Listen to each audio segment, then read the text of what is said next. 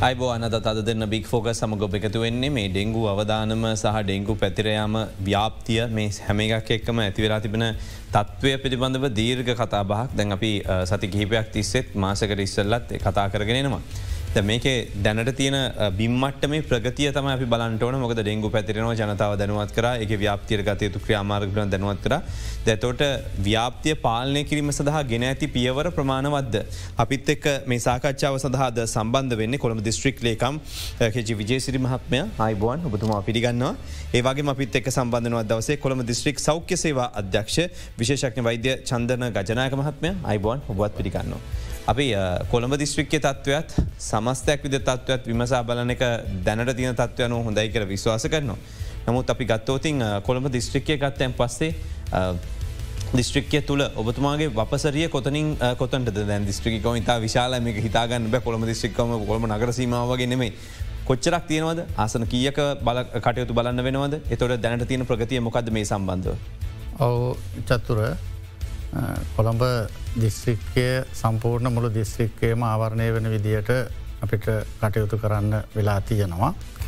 මේ වන විට ඩෙංගු තත්ත්වය දිවයිනේ තත්ත්වය අද වෙනකොට වාර්තා වෙලා තියෙනවා ඩෙංගුරෝගීන් තිස් සටදස් දෙසිය තිස් තුනක්. එයින් බස්නාහිර පලාත දහට දස් නමසය හැත්ත පහ. එයිනොත් කොළඹ දිස්ත්‍රික්කය අටදා සතලිස් සයක් වෙනවා ගම්පහ අටදස් සයසිය අටදස් පන්සිය හැට පහයි කළුතර දෙදස්තුන්සිය හැටහයයි. ඒ අනුව බස්නාහිර පලාතේ වැඩියෙන්ම ඩෙංගු රෝගින් වාර්තාාවට ගම්පහ දිස්ත්‍රික්කය වන අතර ඉළඟට වාර්තාාවෙන්නේ කොළඹ දිස්ත්‍රික්කයේ. දිවයිනේ තත්ත්වයක්ත් එක්ක බැලුවම කොළඹ දිස්ත්‍රික්කය බස්නාහිර පලාත පණහයි දසම හතරක් ප්‍රතිශතයක් හැටියට පණහයි දසම හතරක්.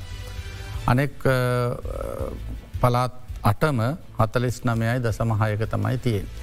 මේක තමයි අද උදේ වෙනකොට පස්නාහිර දිවයිනෙත් බස්නාහිර පලාතෙත් කොළඹ දිස්ත්‍රික්කේත් ඩෙංගු රෝගීන් වාර්තාාවීමේ තත්ත්වය. ඒ කියන්නේ මේ තත්ත්වය හොඳ තත්ත්වයක් නෙමෙයි වසංගත තත්ත්වයක් දක්වා ඉහලට ගමන් කරන බව. ඉතින් චතුර මෙය පාලනය කළ යුතුයි ඒ පාලනය කිරීම සඳහා මේ වන විට දිස්ත්‍රික්ලේකම් කාර්යාලය වගේම රජයේ සියලුම ආයතන පෞද්ගලිකාංශය එකතු වෙලා වැඩපිළිවෙලක් සකස් කරලා තියෙනවා. මේ සඳහා විශේෂ උපදෙස් අතිකරු ජනාධිපත්තුමාගෙන් ඒවගේම ගරු අග්‍රාමාත්‍යතුමාගෙන් නොත් උපදෙස් ලැබිල තියෙනවා කඩිනම් පියවර ගන්න කියලා. නීතිමය වශයෙන් ගත්තම ජනාධපති ලේකන්තුමා චක්‍රලේකයක් නිකුත් කරලා තියෙනවා වැඩපිළිවෙලක් එක්ක.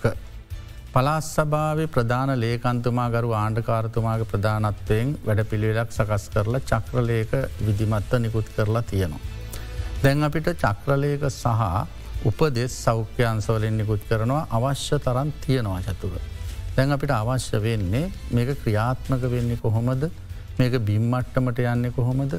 මේ වර්ධනය වෙන එක නතර කරන්නේ පාලනය කරගන්නේ කොහොමද කියන කාරණාටික තමයි අපි මෙතෙන්දි කතා කිරීමට අවශ්‍ය වේ. දැන් අපි කුඩාම දිස්ත්‍රික්කය කියලා කියන්න පුළුවන්. නමුත් එවනට ජනගහනය අතින් ගත්තයන් පස්සේ ඉතා විශාල ජනගහනයක් වාසය කන දිස්ත්‍රික්කයක් ලක්ෂ විස්ස පැනල විසිතුනා විසිතුනා. එතකොට සෞඛ්‍ය ශේත්‍රය සම්බන්ධයෙන් කතා කරහම දැ ඔබතුමාටත් ලොකු වගකීමක් මේක තියෙනවා හැබැ පහුගේ කල දිගරම චෝදනා වෙල්ලුනේ සමස්තයක් විතර ඩෙංගු මර්ධන වැඩසටහන්න සහ සෞඛ්‍ය මාත්‍යංශය තුළින් වැඩි බරක් මේකට තිබෙ නෑ කියලා. ඔබතුමා මොකක්ද මේ ගැන හිතන්නේ. ඇත්තටම පහුගිය කාලය අපිට ගොඩක් ප්‍රශ්න තිබුණා අපි මංහිතන්නේ අපිට කොවිඩ් ප්‍රශ්නය ලොකෝටම තිබුණා කොයිඩ් ප්‍රශ්නයත් වැඩිපුරමාවේ කොළඹ දිස්ත්‍රික්කයට ඒත් එක්ක මීට පස්සේ අපිට මන්ද පෝෂණය පිළිබඳව ගැටලුත් කාරී තත්ත්වයක් අත් මතු වුණා. ඉතින් ඒක නිසා අර කොවිඩ් කාලෙදී සංචරණයක් සීම වෙලා තිබිච්ච නිසා මන්ද පෝෂණයට අවශ්‍ය දත්තා අපිගාව හරියට තිබුන්නෑ අප්ඩේට් වෙච්ච තොරතුරු යවත්කාලන වෙච්ච තොරතුරු ඊට පස්සේ අපි පිළිබඳව මහන්සි වුණා ඒකත් එක්කම තමයි දැ මේ ඩෙංගු තත්ත්වය ආවේ. එතකොට එකන දිස්ත්‍රික් සෞඛ්‍ය සේවා අධ්‍යක්ෂවරයෙක් විදිහට සෑහන වපසටක වැඩ කරනුනා කියනද මේ කියන්න ගෙවිච්චවරු අනිවාර්යම මේ ගොඩාක් දේවල් තියෙනවා කරන්න. ඉතින් ඒ දේවල් හැමදේම කරන්නත් ඕනේ. මේ එකක් අනිත් එකකට වඩා වැදගත්කමෙන් අඩුයි කියල අපිට කියන්න විදිහන්න. ඒත් එක්කම අපි පහුගිය අවුරුදුවලට සාපේක්ෂව මේ අවුරුද්ධ අපි දැක්කා වර්ෂාව පතනය පොඩි වෙනසක් ඒකන සාමාන්‍යයෙන් අපි දන්නවා අප්‍රල් මාසදී අකුණු ගහල වැහි වහිනවා ඊට පස්සේ මැයි සිට සැප්තැම්බර් නිර්දික මෝසම් සුළගේනවා. නමුත් මේ අවුරුද්ධද අපි දැක්කා මාර්තු මාසින්දම වැස්ස පටන් ගත්තා. එතකොට ඩෙංගු රෝගය කියලා කියන්නේ මදුරුවක්ගෙන් බෝවෙන රෝගයක් තකොට මදුරුව වැඩි වුණා කියලා කියන්නේ ඩෙංගු රෝගය වර්ධනීම වැඩි. ඒක නිසා අපිට මදුරු ජනගහනය වැඩි වෙනවත් එක්කම ඩෙංගු රෝගය වැඩි වුණා. අපි ගත්තොත් දැන් අපි දෙදස් දාහතර ඉදල ඉතිහාසයක් තියන මේ අපි ඒට තිසර තියන නමුත් මකැන මේ ව්‍යාපතිය ගැන කතාගන්නුවන් දැන් ගොඩක් වෙලාවට අපි කතා කරපු දෙයක් තමයි දෙදස් දාහතර වගේ ගත්තොත් බොර්ලැස්කමුව නීලම් මහර මේ ප්‍රදේශාශ්‍රිතව ව්‍යාපතිය වර්ධනයක් පෙන්නුම් කලා. හැබැ රත්මලාන හෝමගම හංවල කඩුවල කොළොන්නාව පාදුක්ක වැනි බල ප්‍රදේශවල ඩෙංගු ව්‍යපතියේ අවමට්ටමක් තමයි ඒ කාල තිබෙතර අපි බලන්න අද ඩේට එක දඩේට එක ගත්තම බුතුමට කියන්න පුළුවන්ද දැනට මොනවගේද වේගෙන්ම ව්‍යාපතිය තියෙන මොන බල ප්‍රදේශවලද. දැ අපි බැලුවොත් පසුගිය අවුරුදු දෙකක සහ මේ අවුරුද්ධ බැලුවොත්න් වැඩිපුරම ඩෙංගුරෝගීන් වාර්තා වෙන්නේ ගොතටුව සෞඛ්‍ය වෛද්‍යල ධාරි කාර්යාල බල ප්‍රදේශයෙන්. එතකොට ඔබතුමා කිව්වා වගේ පාදුක්ක වගේ ප්‍රදේශ දැන් හොඳටම අඩුයි. මේ අවුරුද්ධ ගිය අවුරුද්ධයම හොඳටම අඩුයි. ඩෙංගුරෝගින් කොළඹ දිස්ත්‍රික්කය බලනකොට. කොළම් දිස්ත්‍රික්කය වපසරී කෙලෙකුවම පාදුක්කා විස්සාවෙල්ල හංවල්ලට එන කල් යනවා. අනි පැත්තෙන් හදුරුට එන කල් යනවා. තින් මේ ලොකු සීමාව තමයි අපිට තියෙන්.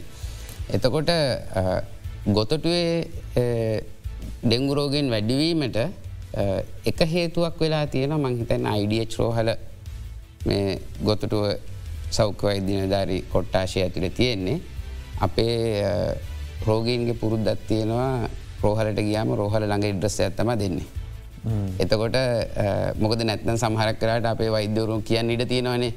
ඇයි මේ කළුබොල රෝහල තියන කළුබොල් රෝහලට යන්නකෝ. මේකැ මේ සැබෑ දත්ත නෙමයි මෙතනදී හරක් වෙලාවට මේ සම්පූර්ණයම දත්ත පිළිගන්න එපා කියනකනේ මම කියන්න. මේකත් පොඩි අර කන්ට්‍රවියටරි ෆෙක්ට එකක් වෙලා තියෙනවා. ඉතිං එහෙම එකක් තියෙන දින් ගොතටුව තමයි හැමදා වැඩියෙන් ඉන්න. මේ අවුරුද්ධ වෙන කොටත් අදටත් ගොතටුව තම වැඩිපුරම ඉන්න. නමුත් ඊට අමතරව බොර ලැස්කමුව බත්තර මුල්ල දෙහිවල රත්මලාන මොරටුව පිළියන්දල ඒ කියන්නේ කොළඹ නගර සීමායම තියෙන කොළොන්නා ගොතටු වගේම ඒට ආසන්නව ඊළඟට මේ නගරේ පරිබාහිරව තියෙන ඉතුරු සෞඛ්‍යවයිද නිධාරි කොට්ටාශවල ඩෙංගුරෝගින් හමුවීම වැඩි ප්‍රවණතාවයක් තියෙන. දැම් පලත් සභහස පලත් පාලන අමාත්‍යංශය විදිහට අමාත්‍යංශය වැඩස්ටාන් ක්‍රියාත්මක කර ගිය අවුද්‍රිසල් අවුද්ධකත්තු. ස ජාතික ඩෙංගු මර්තන වැඩසටහන ඉට පස්සේ දිස්ත්‍රික් කමිටු ප්‍රදේශය ආයතන තුමා දිසාපතිතුමා. තොර මෙහෙම ගත්තයන් පස්සේ දැන් ගොඩක් යාන්ත්‍රණය පැතිරිලා තියන ගොලොත් කියන මේ ගොලොත් කියන ගොලොත් හැබැයි දැන් දැන් ගොඩක් පලත් පාලන ආයතන නැහැ ඒවගේ ක්‍රියාකාරිත්වය අඩ පන වෙලා තිබෙන දේශපාල නියෝජිතයන් ක්‍රියාකාරිත්වය නිලධාරන්නන්න යම් කිසි බාධාවක් තියෙනවද මේ කටයුතු කිරීමේදී දැන්ට. නෑ එහෙම බාධාවක් නැහැ චතුර මේ වෙනකොට බස්නාහිර පලාත් සභාවත් ඒවගේම මධ්‍යම රජය හැටියට දිස්ත්‍රික් ලේකම් කාර්යාලයත් අනෙකුත් රාජ්‍ය ආයතනත් ඒකාබද්ධව මේ වැඩසටහන ක්‍රියාත්මක කරන්නේ. ආණ්ඩුකාරතුමාගේ ප්‍රධානත්වය මේ වෙනකොට රැස්වීම් දෙකක් ඇඳ පවත්තල තියෙනවා. අපි මේ වෙනකොට දිස්ටික් ඩෙංගු කමටුව රැස් කරලා අවශ්‍ය තීන්දු තීරණ අරගෙන තියෙනවා මේ ප්‍රාදේශය සෞකසේ අධ්‍යක්ෂතුමාගේ ප්‍රධාන සහයෝගයක් එක්ක. ඒ අනුව මේ වන විට අපි යම්කිසි සැලස්මක් හදලා තියෙනවා. සැලස්මක් කියල කියන චතුර මේක තිබිච්චකම තමයි මීට පෙරත් චක්‍රලයකවලින් උපදෙස් දීලා තිබුණ ග්‍රාමීය කමිටු දක්වා ගමන් කරන ක්‍රමවේදයක් දිස්ත්‍රික් කමිටුව ප්‍රාදේශය කමිටුව ප්‍රාදේශය ලේකම්තුමාගේ ප්‍රධානත්තේ ඊට පස්සේ ග්‍රාම නිධාරී ඇතුළු ශේත්‍ර නිධාරීන්ගේ සහභාගිතයෙන් ග්‍රාමිය කමිටුව. මේක මේසරේ අපි තවටිකක් පුළුල් කලා මේ තියෙන තත්ත්වය අනුව ඒ තමයි විශේෂම ග්‍රාමීය කමිටු. ග්‍රාමීය කමුට මේ වෙනකොට සැලස්සුම් කරලා තියෙනවා සෑහෙන දුරට ක්‍රියාත්මකයි ගෙවල් සීයක් එක පොකුරක් ක්ලස්ටර එකක් ගෙවල් සීයක පොකුරක් හදලා ඒ ගෙවල් පොකුර බලන්න සතියකට සැරයක් මදුරුවාගේ ජීවන චක්‍රය අනුව සතියට සැරයක් පිරිසිදු වෙනවනං සෑහෙන දුරට පාලනය වෙනවා. ඒ නිසා අපි දැනට ක්‍රියාත්මක කරමින් යනවා අපේක්ෂා කරනවා හැම සතියකම සේච්චා නිලධාරීන් සහ රාජ්‍ය නිලධාරීන් එකතියුම් දෙනෙක් මේ හැම නිවසකටම යවන්න. ගිහිල්ල ඒ අයට පරීක්ෂා කරල බල අවශ්‍ය උපදෙස් දෙන්න. එතෙන්දි පHයි මහත්මය ඒ වගේම ග්‍රාම නිලධාරී ඒ වගේම ප්‍රාදේශ ලේකම් කාර්යාලයට සම්බන්ධ වෙන ක්ෂේත්‍ර නිලධාරීන් සහ. ශ්‍රේච්ඡා නිලධාරීන් සහ රජයේ නිලධාරීන් තවත් ශ්‍රේච්ඡාවෙන් ඉදිරිපත් වෙනයි මේ සඳහා යොදව ගන්න කියලා අපි ප්‍රාදේශය ලේකම්බරුන්ට උපදෙස්දීල තියෙන. එතට ඒ අනුව දැන් අපි කල්පනා කරනවා අපි ගෙවල් සීයක් තෝරගත්තොත් සතියක් දෙකක් යැනකොට ඒ කණ්ඩායමට හැඟේවි. ඒ සීයටම යන්න ඕනද නැද්ද කියලා. ඔතන යම් කිසි ප්‍රමාණයකට තමයි ඊට පස්සේ යන්න අවශ්‍ය වෙන්නේ. අනිතේ කොළඹ නගරය ගත්තම සංකීර්ණතාවේ ජනගහනය වගේම ගෙවල් වල තියෙන සමීපතාව වගේ ඒවා එක ටිකක් සංකීර්ණයි මේ රාජකාරිය කොළඹ නගරය ගත්තම හෝමාගමින් හා පැත්තට ගියාම ඒ පැත්ත එච්චරම සංකීරණ නැහැ. තොට එතෙන්ද ඇහි බලාපොරොත්තු වෙනවා මේ ග්‍රාමීය කමිටුවෙන්ගෙන තොරතුර ප්‍රාදේශය කමිටුවට එන්නට ඕන එතන ප්‍රාදේශය කමිටුව රැස්සෙන්නේ ප්‍රාදේශය ලේකන්තුමා එම්මෝච්ච මහත්මය ඇතුළු කණ්ඩායම. එතනින් එන ප්‍රගතිය තමයි අපිට දිස්ත්‍රික් කමිටුවට එන්නේ දිස්ත්‍රික් කමිටුවේ මම සහ දිස්ත්‍රික්ල මට්ට මේ සියලුම නිලධාරීන් සම්බන්ධ වෙනවා. ඒවගේම දිස්ත්‍රික් සම්බන්ධී කරන කමිටුව සභාපත්තුමා සම්බන්ධ වෙනවා. එ මේ වැඩ පිළිවෙල තමයි ක්‍රියාත්ම කරන්න අපි බලාපොරොත්තු වෙනවා. මේ වැඩ පිළිවෙල සෑහෙන සාර්ථක මට්ටමකට ගෙනියන්න එතෙන්දි අපිට පුළුවන් වෙයි කියල පාලනය කර. ඒවගේම මේ වෙනකොට හඳුන ගෙන තියෙනවා හැමතිස්සේ මම මාධ්‍යවල බහනකොට දකින දෙයක් තමයි අපි හඳුනගෙන තියෙන වැඩියෙන්ම ඩෙංගු මදුරුවන්. බෝ වෙන ස්ථාන කොතනද? රාජ්‍ය ආයතන පාසල් ඒවගේම වැඩබීම් ඉදිකිරීම් වැඩබීම්.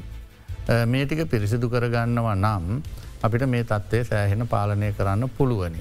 තොර පාසල් ගත්තට පස්සේ අධ්‍යාපන අමාත්‍යන්සේ පළත් අධ්‍යාපන අමාත්‍යංශ මේ වෙනකොට උපදෙස් දීර තියෙනවා විදුහල් පතිවරුන්ට සතිපතා සතියකට එක දවසක් මේ පිරිසිදු කිරීමේ කටයුතු කරන්න කියලා. රාජ්‍යායතන ගත්තම රාජ්‍යායතන වලට මීට දෙදා හතර දාහතය ඉඳලම උපදෙස් දීල තිබුණා එක් නිලධාරයෙක් පත් කරන්න ඒ නිලධාරිය සතියකට වරක් එ පරිස්ත්‍රය පරීක්ෂා කරලා අවශ්‍ය පියවර ගන්න ඕන කියලා. ඒවගේම වැඩබිම්වලට වනත් අපි කියන්නේ වැඩබිම්වලත් එක් සේවකයෙක් පත් කරන්න සතියකට සැරයක් පරීක්ෂා කරලා මේ මදුරු කීටයන් බෝවෙන ස්ථාන තියෙනවන වා විනාශ කිරීම සහ අවශ්‍ය පියවර ගන්න සහ. වැඩබිමක් නගේ වැඩබිම පවත්වාගෙන යන ව්‍යාපාරික ආයතනය දැනුවත් කරන්න එක සේවකයෙක් මගින් ඒව කරගන්න කියන උපදෙස සහ ඉල්ලීම අපි දැනටමත් කරනවා.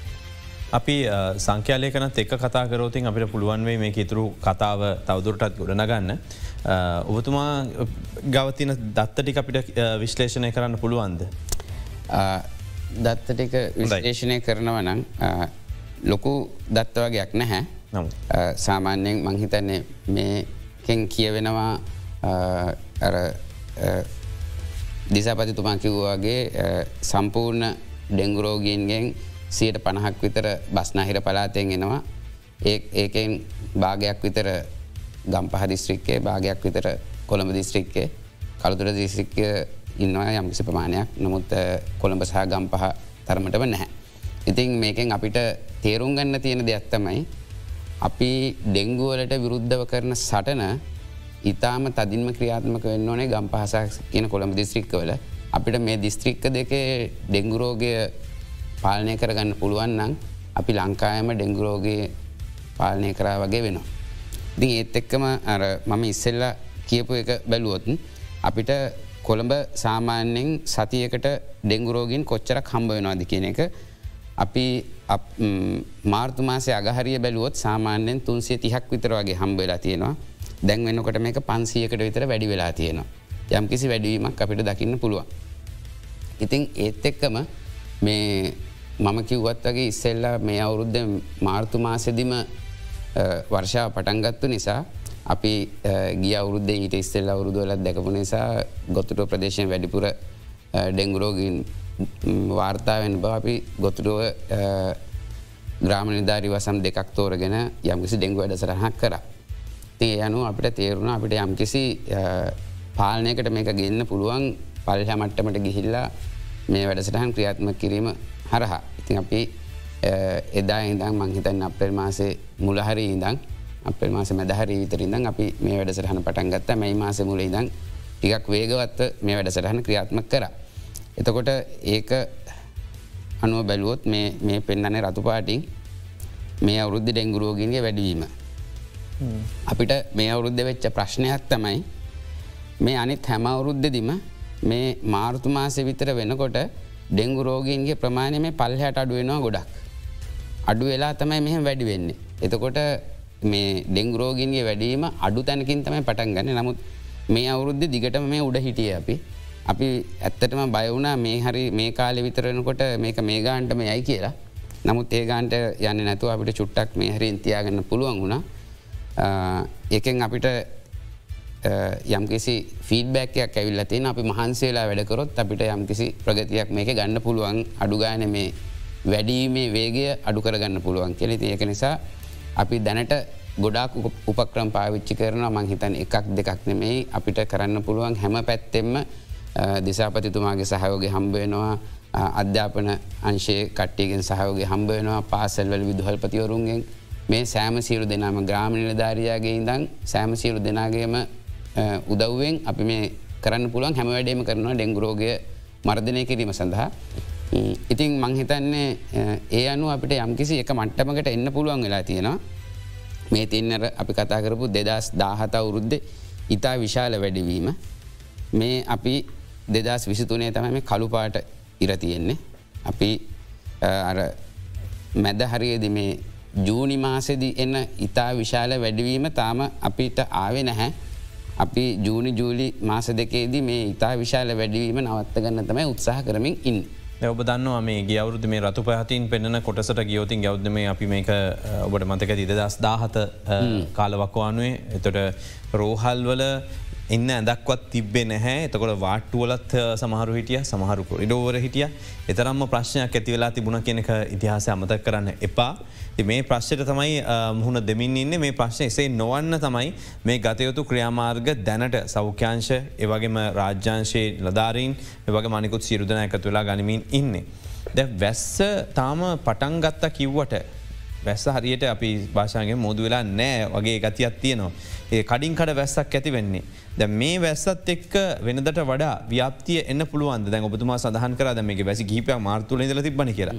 තර මේ වැස්සේ උපරිමයත් එක්ක එන ඇවිල තියන්නේ දත්තනුව කොයි කාලද රෝගින් වැඩීම් වාර්තා වෙලා තිබෙන. මැයි මාසේ අග සහ ජූනි ජූලි මාස දෙක තමයි සාමාන්‍යයෙන් ලංකාව ඩෙංගුරෝගින් ඉතාම වැඩියෙන් අපිට වාර්තා වෙන්නේ. මේ ජූනි මාසේ සහ ජුලයි මාසේ ඉතින් ඒ මාස දෙකේදී ඇතිවෙන සීග්‍ර වැඩිවීමට මූුණ දෙන්න තමයි අපි මේ සූදානංවමින් ඉන්නේ. එතකොට මේ ඩෙංගුරෝගීන් ව්‍යාප්තවීම රෝගය ව්‍යාප්තවීම මදුරුවන් ව්‍යාප්තවීම වලක්වන්න අපි උත්සාහ ගන්නවාගේම ඩෙංගුරෝගයට ප්‍රතිකාර කරන එක සම්බන්ධයෙන් ප්‍රෝහල්ල ඉන්න වෛදවරු විතරන්න මේ පෞද්ගලික වෛද්‍ය සේවය ඉන්න වෛදවරුන්වත් අපි දනුවත් කරමින් වැඩසටහන් ක්‍රියාත්ම කරන කොයි වගේ වෙලාවටද රෝහලකට ඇඩමිට් කරන්න ඕනේ. එහෙම නැත්නම් අපි කොයි විදිහටද මේක බලන්න ඕනේ. ඒ වගේ විශසක්ඥ වෛදවරු විසින් ඒ අවශ්‍ය උපදෙස් මාලාව සහ වැඩසටහන් ක්‍රියාත්මක කරමින් යනවා. අරමංකිව්වාගේ අපි මේක එක ෆ්‍රන්ට් එකක් විතරන්න මේ හැම ෆ්‍රන්ට් එකෙම අපි මේ ඩෙංගුරෝගයට විරුද්ධව කරන්න පුළුවන් හැමදේම කරමින් යනවා. අපි දැනට ගත හැකි ක්‍රියාමාර්ගවල ගෙනතිවන ක්‍රියාමාර්ගවල තියෙන තත්ත්වයෙන් අපිට හිතන්න පුළුවන්ද මේක පාලනයකට එන්න පුළුවන් කියලා. බෝචතුර අපි විශ්වාස කරනවා අපි අලුත් ප්‍රවේශයකුත් කොළඹ දිස්ත්‍රිකේ හැටියට ගත්තා. විශේෂයෙන්ම මෙතැදි ප්‍රධාන වශයෙන්ම අවශ්‍යයනවා මේ ජනතාව දැනුවත් කිරීම. ඒ දැනුවත් කිරීම අපි මාධ්‍ය මගින් දැනුවත් කරනවා වගේම විවිධ ක්‍රමවේද. ඒ අනුව කොළඹ දිස්ත්‍රික්කේ ශාසනාරක්ෂක බලමණ්ඩලවල ලේකාධිකාරී සාමීන් වහන්සේලා සහ අනෙකුත් සභාපති සාමීන් වහන්සේලා වැඩමවල අපි උන්වහන්සේලාගෙන් ඉල්ලීමක් කලා ඔබ වහන්සේලාගේ පූජාවලදි බණ කියන ධර්ම දේශනාවලදි ඩෙංගු ගැනත් විනාඩි දෙකතුනක්වත් දේශනා කරන්න කියලා. ඒ අනුව සීරුම සාමීන් වහන්සේලා එය පිළි අරගෙන ඒ සඳහා කැමැත් අපිට ප්‍රකාශ කරලා තියෙනවා අපේම් බලාපොරොත්තු වෙනවා. හැම වෙලාවකම ජනතාවට මේ ඩෙංගු අවධානමක් තියෙනවා කියන පනිවුඩය දෙන්න. ඒ වගේම කොළඹ දිස්ත්‍රිකයේ සියලුම අන්‍යාගමික ස්ථානය කියන්නේ ඉස්ලාම් ක්‍රිස්තියානි එවගේම හින්දු. පූජකතුමන්ලා සියලු දෙනා කච්චේරියට ගැන කැඳවලා අපි රැස්සීමත් තියලා ඉල්ලීමක් කලා ඔබතුමන්ලත් මේ වැඩේට සම්බන්ධ වෙන්න කියලා. එතෝට චතුර ගොඩක් වෙලාවට ආගමික දැන් පල්ලිවලට පන්සල්වලට විශාල පිරිසක් සතියකට එනවා. එතොට උන්වහන්සේලාත් එකඟ වුණා ඒ පූජාවලදි ඒ දිවිය පූජාවලදි යාඥාවලදි ඩෙංගු ගැන දැනුවත් කිරීමක් කරන්න. අපි ඒ ප්‍රවේශය අපි ගත්තේ අපේ ක්‍රමවේදයට වගේම ආගමික නායකයින් ස්වාමීන් වහන්සේලා ඒවගේ ප්‍රසාදීන් වහන්සේලා කරන අනුශාසනා වත් ජනතාවට යම් ප්‍රමාණයකට වැඩිපුර යයි කියන බලාපොරොත්තුවෙන්. ඒවගේම පසුගිය ඉරුදින කොළඹ දිස්ත්‍රික්කේම සියලුම පන්සල් සියලුම පූජනීය ස්ථාන අනෙකුත් පූජනීය ස්ථානවල ශ්‍රමදානයක් කරලා අපි පනිවුඩයක් දුන්නා පන්ස ආගමික ස්ථානය මගින් පනිවුඩයක් දුන්න මේකට ජනතාව එකතු වෙන්න කියලා. කියන්න සන්තෝසයි සමහර ආගමික ස්ථාන පන්සල හෝ පූජනීය ස්ථානය විතරක් නෙමෙයි ඒ මුළු ගමේම සමහර පූජක තුමල්ලා සාමීන් වහන්සේලා මට කතා කරලම කිව්වා අපි විතරක් නෙමෙයි අපි අපේ ගමට මාද මේ ශ්‍රමදානය කරනවා කියලා. එතට මගේ ඉල්ලීම අපි ඩෙංගු මර්ධනය කරන්න කියලා මේ එක දවසක් ශ්‍රමදානයක් කරලා ඒක ලෝකෙට පෙන්නලා විතරක් හරියන්නේ නෑ. මේක අකණ්ඩව යන්න ඕනේ. ඒ නිසා මම නැවත ඉල්ලා සිටින කොළඹ දිස්ත්‍රික්ක විතරන්නේ මේ මුළු දිවයිනෙම දිවයිනීම සියලු දෙනාගෙන් මෙය අකණ්ඩව මෙය පාලනය වෙන තෙක් මෙය කන්ට්‍රෝල් වෙන තෙක් අකණ්ඩව මේ වැඩ පිළිවෙල කරගෙන යන්න කියලා. එතර අපේ කොළඹ දිස්ත්‍රික්කේ හැටියට ක්‍රියාත්ම කරපු තවත් වැඩ පිළිවෙලක් මං බලාපොරොත්තු වෙනවා මේ ක්‍රමවේද තුළින් සෞඛ්‍යන්සයට සෑහෙන උපකාරයක් උදව්වක් කරලා රාජ්‍යන්සේ අනෙකුත් ඇහැටියට සහයෝගයෙන් මේ තත්ත්වය සෑහෙන දුරට පාලනයකට එන්න පුළුවන් වෙයි කියලා. මංහිතන අපිට මෙහි ප්‍රතිඵල ලැබෙන්න මාසයක් විතර යයිනේද ඩොක්ට මාසකින් විතර අපිට බලන්න පුළුවන් වෙයි අපි මේ කරන වැඩ පිළිවෙල කොච්චර සාර්ථකද කියලා. එහෙම ප්‍රතිඵල අඩුනං අපිට මේ නව ප්‍රවේශයකට යන්න වෙනවා කෙසේ හෝ අපි රජයක් හැටියට මේ පාලනය කළ යුතුයි. අපිතක කොළම දිස්ත්‍රික් සෞඛ්‍යසේ අධ්‍යක්ෂතුමා සහ කොළම දිස්ත්‍රික් ලේකම්තුමා සම්බන්ධ වෙලායින මේ සාකච්ඡාව සඳහා. අපි ඩෙංගු වලින් මේ දිස්ත්‍රික් බේරගෙන වගේ අපි එකින් කියන්න රට බේරගත යුතුනෑ කියනක නමුත් මේ ඒකවත් ව්‍යාප්තියක් තියනවා.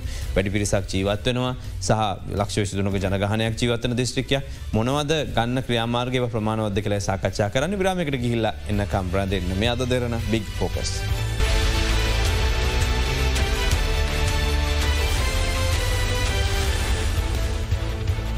ඔබයාලි අදරන බික් ෆෝග සමග එකතු වෙන්නේ. දැම් මේ අවුද්ධකට පාරම් මේ අනිවාරෙන්ම කතා බහට ලක්කන්න එක්කො දෙ පාරක් මේ කතා වෙනවා. මේක ඉවරයක් වෙන්නේ නැද්ද? මේ කියන තරම් සේවකයෝදාගෙන ගෙවල් සුද්ද පවිට කරන්නත් බෑ වතු සුද්ද කරන්නත් බෑ. මේක ප්‍රායෝගිකව බොහෝ දෙනෙක් එල්ල කරන්න චෝදනාවක්. ඉති මේ චෝදනාව එහෙම තියෙනවා කියලා අපිට වගකීම දෙන්නත් බෑ. මේ සෞඛ්‍ය අධ්‍යක්ෂතුමා. එතකොට දැන් ඔබතුමාල ප්‍රායෝගික මේක දකින්න මුණදෙන නැද්ද? ගෙවල්ලට යනකොට මෙනි තත්වයන් තියනව කෙලතින් ගයන් ජනතාව පැත්න සාධාරනය තියන ගොල කියන කතාව හැමතිස මේක සුද්ද පට කනව වහින වැස්ස හැම වහිනවා අපහුපායන. ඇත්තටම මේක අපිට මහජනතාව පැත්තිෙන් තියෙන ප්‍රශ්නත් අපිට තේරෙනවා. මේක හැමදාම කරන්න අමාරුයි. ඒ වගේම තමයි සමහරක් අමාරු තැන් තියෙනවා. ඒ තැන් සුද්ධ කරන්න බැරිවෙන්න පුළුවන්. ඊට පස්සේ සමහර වයසක් කටේ විතරක් ගෙදර ඉන්නවා ඒගොල්ලොන්ට හැමදාම කරන්න බැරෙන පුළුවන් නමුත් අපි තේරුම් ගන්න ඕන දෙයක් තමයි මදුරුවාගේ ජීවන චක්‍රය සාමාන්‍යයෙන් දවස් හතක කාලයකදී බිත්තර සම්පූර්ණ වෙලා නවා. ඉතින් ඒක නිසා අපිට පුළුවන්නන් අපි අනිවාරයම දවස් හතකට සැරයකගෙන සතියකට සැරයක් වතුර එකතු වෙන ස්ථාන පිරිසිදු කරන්න ඕන්. එතකොට එහෙම කරන්න බැරිනං එහෙම කරන්න බැරි තැන් තියෙනවනං අපිට වෙන වෙන විකල්පොලට යන්න පුළුවන්. අපි දන්නවා පෞගි කාලය කතා කර මේ කූම්බියගුල්ලගේ පොඩි වතුර රැඳෙන තැන් තියෙනවනං අපිට එක අනිවාරයෙන් සුද්ද කරන්න පුළ හැම සුද්ද කරන්න බැරි අවස්ථාවල් තියෙනවනං ලුණු දාන්නේ වගේ දේවල්. තකොට හැබැයිති හෙමනටයක් වැඩිපුර සාන්ද්‍රණය එන්න දාණ්ඩුවන්. එහම නැත්නම් මම දැකලා තියෙනවා සමහර තැන්වල මේ වලවල්වලට තෙල් ටිකක් දාලා තියෙනවා මදුරුවන්ට බිත් වතුරට ළඟාවෙන්න බැරිවෙන්. ඊට අමතරව දැන් විද්‍යාත්මකව ඔප්පු වෙච්ච ලාවිසයිද් හෙම නැත්නම් මදුරු කීටයන් විනාශ කරන ප්‍රසායනික ද්‍රව්‍ය තියෙනවා ඒ වෙළඳ පොලේ මිලදී ගන්නත් තියෙනවා ඒක නිසා අපි හිතම යම් කිසි ලොකු වැඩපොලක වැඩබිමක ළඟාවෙන්න බැරි තැනක වතුර එකතු වෙනවා කියලා. ඇති මේක හැමදාම බොහෝ අමාරුවෙන් මෙතෙන්ට ළඟා වෙලා මේක සුද්ධ කරන එක සතියකට සැරයක්. එහමනැතන් සතියකට දෙසරයක් කරන්න අමාරුවෙන්න පුළුවන්. ඉතින් ඒ වගේ වෙලාකට වෙළඳ පොලෙන් මිලදී ගන්න පුළුවන්. මේ වගේ ලාවිසයිත් සහෙමනැත්නම් මදුරු බිත්තර එමනැත්නම් මදුරු පනුව විනාශ කරන රසායනික ද්‍රව්‍ය. ඒ රසායනික ද්‍රව්‍ය දාලා තිබ්බම මාසයක් වගේ කාලයක් යනකල් අපිට ඒගෙන කලබල වෙන නැතු ඉන්න පුළුවන්. තකොට වතුර එකතු වෙලා තිබට මදුරුව බිත්තර දාන්නේ නෑ. ඉතින් ඔය වගේ අපිට කරන්න පුළුවන් ගොඩක් දේවල් තින. ඒ වගේම අපි දන්න දෙයක් තමයි මේ මදුරුවගෙන් තව කෙනෙකොට රෝගය බෝ කරන්න නම් රෝගේ හැදිච්චෙක් කෙනෙ කින්ඩුවන්. රෝගේ හැදිච්චෙක් කෙනෙකුට මදුරුව විදලා එයාගේ ඇගේ තියෙන විස බීජරංගිහිල්ලා නිරෝගියක් කෙනෙකුට විද්දමතමයි මේ රෝගේ එක්කෙනගෙන් තව කෙනෙකුට යන්න. ඉතිං උන හැදිච්ච රෝගියෙක් නෙට් එකක් ඇතුළ එහෙම නැත්නං ඉන්නවනං එයාගාවට මදුරයකුට ළඟාවෙන්න අමාරු ඉතින් අන්නේ විදිහටත් අපිට පුළුවන් මේ රෝගය ව්‍යාප්තවීම අඩු කර එක සරලව කියනව නම් දැන් එයාගේ ඇගේ ඔය ඩෙංගු තියෙනවන ඒ දවස් කිහිපයක් යනකම් විතරද අපි බේරෙන්න්න ඕන? ඒ උන තියෙන කාලේ විතරද බෝ කරන්න පුළුවන්? නැත දිගටම උන තියෙන කාලය විතරයි බෝ කරන්න පුළුවන්. නමුත් ඒ අපිට අර රෝගයේ අවධානම උනෙන් පස්සෙත්තින සමහරක් කලාට අපි කතා කරන ඩෙංගු ශොක් එක ඩෙංගු හිම රේජ් තත්වේ වගේ දේවල් වෙන්නේ ඇත්තටම විසබීජය නිසාම නෙමේ. විසබීජයට ශරීරය දක්වන ප්‍රතික්‍රියාව නිසා. ඉතින් එක නිසා මේ උන තියෙන කාලයේදී නෙට් එකක් ඇතුළ ඉන්න පුළුවන්න ඊට පස්සේ එහෙම නැත්නං අපි ඉස්කෝල එක ඉගෙන ගන්න යන ළමයි හරි එහෙම නැත්නං ක්ලාස්සයක ටියෂන් පන්තියකින්න ළමයින්ට හරි මදුරු විකර්ශක ආලේපන තියනවා. පැගිරිතෙල් අපි සාමාන්‍යයෙන් ජන සමාජ දන්න අඩු ගාන්ට ගන්නක් පුළුවන්. ඕ ඒ වගේ දෙයක් හරි තමන්ගේ ගාන්න පුළුවන්න ඊට පස්සේ කකුල් දෙකයි අත් දෙකයි වැහෙන්න විදිහ ඇඳුමක් අඳන්න පුළුවන්නම් මදුරුවෙක්ට තමන්ගාවට එන්න තියෙන අවස්ථාව අවම කරගෙන ඉන්න පුළුවන්නම් ඒකත් එක ක්‍රමයක්. අපි මදුරුවෝ ප්‍රමාණය අඩු කරන්න ඕනි ඊට පස්සේ මදුරුවෙක් රෝගියෙක්ට විදින අවස්ථාව අඩු කරන්න ඕන ඊට පස්සේ මදුරුවෙක් නිරෝගියෙක් කෙනෙකුට විදින අවස්ථාව අඩු කරන්න ඕනේ. වැරදිලාවත් රෝගේ හැදුනොත් අමාරු නොවී සනීප කරන්න පුළුවන් විදිහට අපේ වෛද්‍ය සහ සෞඛ්‍ය කණ්ඩායම් ශක්තිමත් කරන්න ඕන මේ සිව් වැදෑරුම් වැඩ පිළියලම ක්‍රියාත්මක වෙන්ඩෝන්.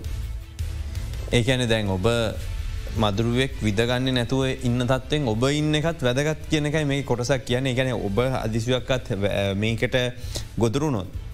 ඔබෙන් අරගෙන ගිහිල්ලා මේ විස බීජ තවත් කෙනෙකුට ඇතුල් කරන්න පුළුවන් ඉතින් ඒක තමයි මේ කියන්නේ හිද ඔබ මදුරුවෙක් නොකාඉන්න තත්වයත් වැදගත් කෙනෙක ගැන ලාගිටකොට එලොල දාන්න නත මදුර විකාර්ශක භාවිතාකන ගොඩක් කලට පාවිච්චි කරන්න නැති හිද මේ මතක් කිරීම කරන්න ද අදඉඳලා සාමාන්‍ය පල පටන් ගන්නවා.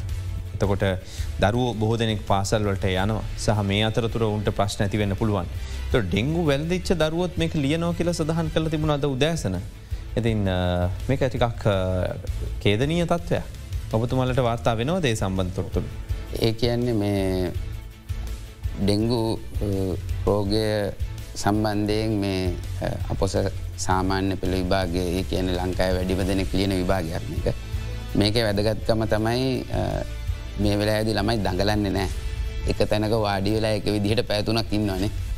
ඒ කියන්නේ මදුරුවකුට හොඳම අවස්ථාවක්. අපි දන්නවා ඩෙංගු මදුරුවා කියලා කියන්නේ මේ දිවා කාලයේදී. උද උදේඉදං අවස්සන කල් තමයි දෂ්ටනය කරන්න. ඉතින් ඒක නිසා මෙයාට හොඳ වෙලාවක් මේක. තින් ඩෙංගු හැදිලා අමාරු ගොඩක් මාරු වෙච්ච නැති කට්ටියට මංහිතන්නේ විභාග මධ්‍යස්ථානවල ලියන් අවස්ථාව දීලා තියෙනවා. ඉතින් අපි විශේෂ වැඩසටහනක් ක්‍රියාත්මක කර. මං හිතන්නේ පාසැල් ගොඩක් පාසැල් මේ ඩෙංගු මර්ධනය සම්බන්ධයෙන් පාසැල් සුද්ධ පවිත්‍ර කරලා මේ විභාගයට සූද නම්මුණ පෙර සූද නමත් තිබුණ හැම පාසලකම වගේ විශේෂයෙන්ම විභාග මධ්‍යස්ථානවල. තිං මේ කාරදිත් අපි පරිසංග නොන ඉතින් ළමයින්ටත් මේ සියලුම දවා දරුවන්ට මේ විභාගය කියන කට්ටයට පුළුවන්නම් මගදුරු විකර්ශක ද්‍රව්‍යයක් පැගිරි තෙල් හරිමනො හරි තමන්ගේ අත්කකුල්ල ආලේපනය කරගෙන එන්න. මේ තමන්ට රෝගය දශ්නය කිරීමට හෝ තමන්ගේ ගාව තියෙනවනම් අපි සමහරක් කලාට දන්නේ නෑ විසබීජ ඇඟට ඇතුල් එච්ච හැමෝට මුණ හැදෙන්නේ නෑන ඒක නිසා සමහරක් කලට අපගේ විසබීජ තියෙන්න්න පුළුව නමුත් අපගේ ප්‍රතිශක්තිය හොඳ නිසා අපි රෝග ලක්ෂණ පෙන්නුම් කරන්න නැතිවෙන්න පුළුව නමුත් ඒවගේ කෙනෙකුටනත් රෝගය බෝ කරන්න පුළ ඒක නිසා මදුරු විකර්ශක ද්‍රව්‍යයක් භාවිතා කරන එක හැම දෙනාටම හොඳ. දිස්ත්‍රික්‍රකමතුමා අපි කොටස් වශයෙන් ගත්තෝතින් දැන් අපේ අධ්‍යාපන ශේත්‍රීන බලධාරීන්ට. එතකට බොහ දෙනකට දැනුවත් කිරීම කල තිබුණ දුමායන කටයුතු කරන්න පාසල් පවිට්‍ර කරන්න පාසල් ප්‍රදේශ සුද්ධ පවිට්‍ර කරන්න කියන එක. ඒ කටයුතු සාර්ථකෝ සිදුනාද කොළම දිස්ත්‍රික්කය තුළ. මෙමයි චතුර අධ්‍යාපන අමාත්‍යන්සනොත්තේ උපදෙස් ලබාදීල තියෙනවා. සාර්ථකව සිදු වනාද කියන එක වගේම චතුර වැදගත්වෙන සිදු වෙනවද කියන එක. එක දවසක්කෝ කරලා වැඩක් නෑ කියලමං කලනුත් කිව්වා. ඒ නිසා විදුවල් පතිවරුන්ට උපදෙස් දීල තියෙන අධ්‍යාපන අමාත්‍යන්සය ඒක දිගටම අකණ්ඩව කරගෙන යන්ඩ කියලා.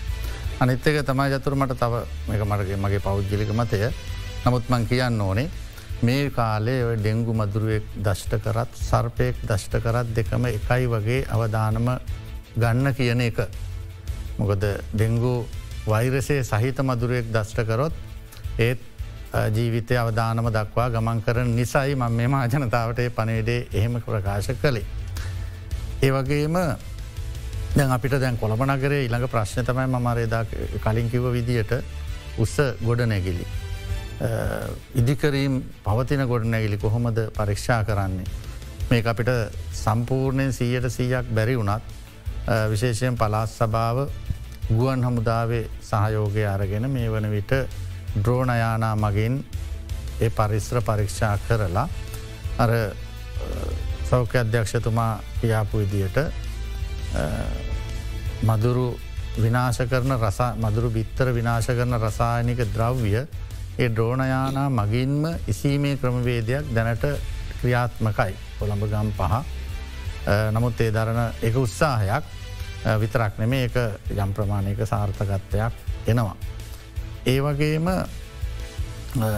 දැන් අපි කිවනේ දවල් කාලේ තමයි මේ මදුරුව ඉන්න කියන එක කිව්වා. තුර දවල් කාලේ මදුරුව ඉන්නවා කියන්නේ අපිට මේ මදුරුව ගොඩක් වෙලාවට දස්ට කරන්න කාර්යාලයේදී වැඩබිමේදී පාසලේදී ඒ වගේ තැන්වලදි. දේක නිසා එම ස්ථානවල ගැවසෙනකොට එම ස්ථාන මදුරුවන්ගෙන් තොර කලාපයක් බවට පත්කර ගැනීම ඒ ආයතන ප්‍රධානයගෙත් විශේෂ වගකීමක් වෙනවා. ඒ පනිවිඩයත් මේ වෙලාවම ලබා දෙන්න කැමති ඒවගේ මර අකණ්ඩව පවිත්‍රතා සතිපතා කරගෙන යන්න කියන පනිවිඩිය සියලු ආයතනවලට ලබා දෙන්න කැමති. අපි කෙටිවිරාමිකට යොම වෙලා විත් අපි තවදුට මේ ගැන සාකච්ඡා කරම අද දෙන්න පික් පොකස්.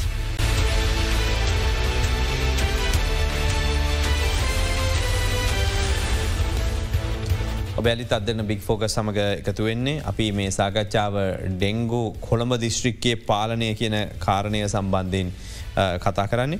අපි මේකෙදී කියපු දේවල් ඔක්කොම දැන් කරන්න ඕන දේවල්. එතොට ජනතාවගේ පැත්තෙන් ජනතාවට කොවිට් කාලෙ ගෙදර ඉඳල සුද්ද පවිට කරන්න පුළුවන්කම තිබුණට දැන් ලෙහිසි නැහැ ඔක්කොම් වැඩ කරනවා ආර්ථිකර්බුද ඇත් එක ඉන්නේ. ප්‍රායෝගිකව ඒ දැනුවත් කිරීම වැඩසටහන් තවදුරටත් ක්‍රියාත්මක වෙනවා දෙකැන ඉන්න නිලධාරීන් ඒ පරිශ්‍යන්තුලට පිවිසෙරලා හෝ දැනුවත් කිරීම වශයෙන් කරනවද නැත්තන් අඩුවම් පැවරින් විතරමද කරන්න නෑ චතුර මමර මුලින්ම කියාපු විදියට අර්ග්‍රාමීය කමිටු හරහා බලාපොරොත්තු වෙන්නේ ජනතාව දැනුවත් කිරීම. පන්සල් අනෙකුත් පූජනය ස්ථාන හරහා බලාපොරොත්තු වෙන ජනතාව දැනුවත් කිරීම. ඒවගේම ජනතාව දැනුවත් කරනවා කිව්වම දැන්ඔය මදුරුවා බිත්තරේ දාන්නේ පෘෂ්ටයට අලවල ඩෙංගු මදුරුවගේ බිත්තරේ පුෘෂ්ටයට අලවල දාන්න. එතකොට අපි කිරිහට්ටියක් හරි පොල් කට්ටක් හරි යෝගට කෝපයක් හරි තියෙන වතුරටි අනි පැත්ත හැරව්වට මේ මදුරු කීටය බිත්තරේ එතනින් ගැලවෙන්නේ නෑ. එහෙමනම් අපි එක්ක එක විනාශ කරන්න ඕන ටැංකයක් වගේ එකක් නම් පොල්ලෙල්ලකින් හරි අතුල්ලල කොස්සකින් හරි අතුල්ලල සෝදන්න වෙනවා දුුණු වගේ සාන්ද්‍රණයක් දාලා. ඒ වගේම වෛද්‍ය විද්‍යාත්මකෝ කියන විදියට අර තියෙන අලවල තියෙන බිත්තරේ මාස හතාටක් අවුරුද්දක් ගියත් ඔතුර බින්දුව කරනව නැවත සක්‍රිය වෙනවා නේද නැවත සක්‍රිය වෙනවා. ඉති ඒ හේතු නිසා තමයි මේක පාලනය කිරීම මේ තරම් අසීරු වෙලා තියෙන්නේ. අනිත් එක තමයි චතුර දැන් ජනතාවත් සෑහෙන ප්‍රමාණයක් මේක නොදන්නවාමත් නෙමේ දන්නවා. නමුත් අපි බලාපොරොත්තු වෙන මතක් කරන්න.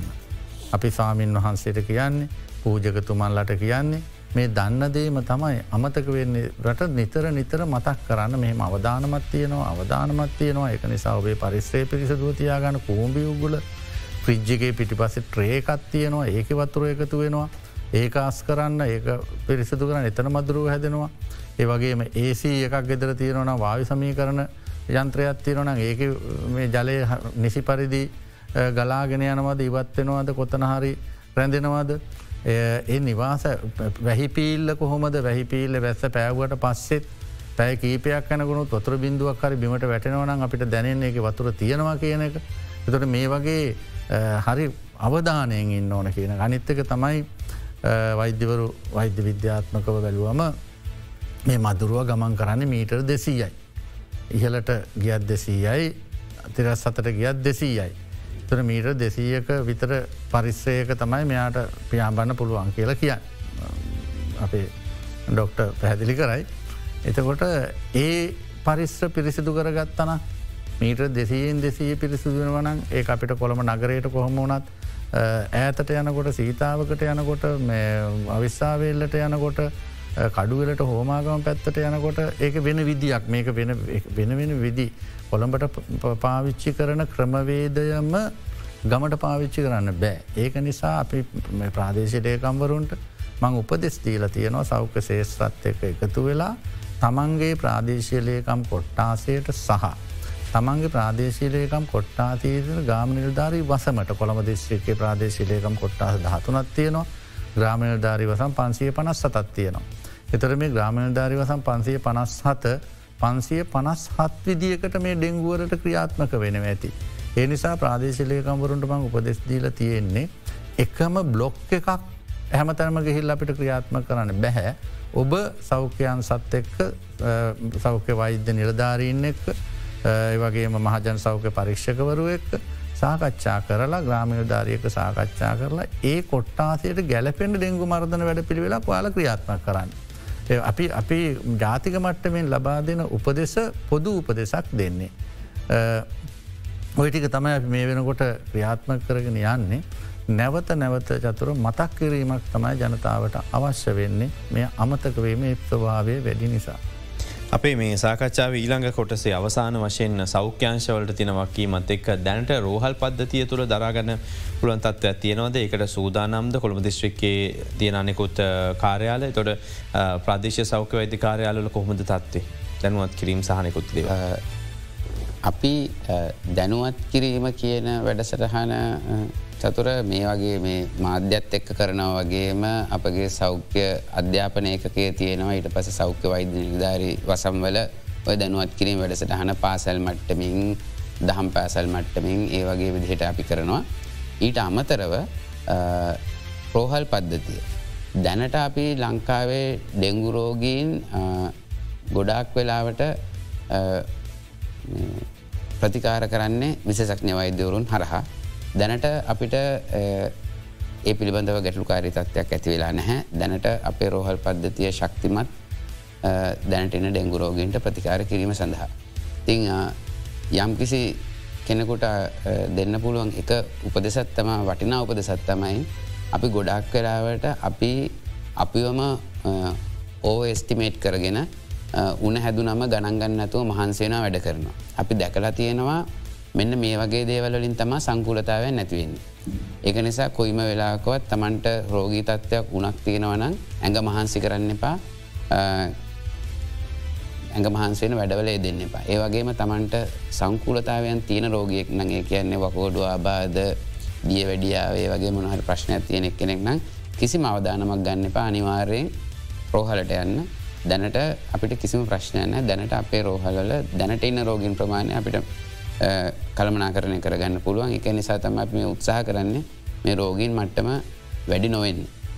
අපිත අද මේ සාකච්ඡාව සඳහා එකතු වනේ ඩෙංගු වදුර එක් බලධාරීනුත් නිලධාරිනුත් ඒ වගේම තමයි ජනතාවත් කොහොමද පාලනය කිරීම සඳහා කැපවෙන්න කියලා කතා කරන්න කොළම දිස්ත්‍රික් ලේකම් කේජ විජේසිරි මහත්මය එහම සූතියපතුමාට ඒවගේ මෙතුන කොළම දිස්ත්‍රික් සෞඛ්‍ය සේවා අධ්‍යක්ෂ විශේෂක්න වෛද්‍ය චන්දන ගජනයක මහත්මය පෙන්ම ස්තුතියපතුමාට. අපි ඔබට වගකීම පැහදිලි කර. ඔබ දැන් සම්බඳුන වැඩසටහන පවරිවයින් කළ බලන්න පුළුවන්. මදුර විකර්ශක පාවිච්චි කළ යුතු වන්නේ ඇයි? ආරක්ෂාව යුතු වන්නේ ඇයි? මොනද ගතයුතු ක්‍රියාමාර්ග? එතකොට අපි කොහොමද කැපවෙන් ඕන කැපි මෙහි සාකච්ඡා කල තින පි වැඩසටහන අවසන් කරනවා මේ අද දෙරන බික් ෆෝකස්.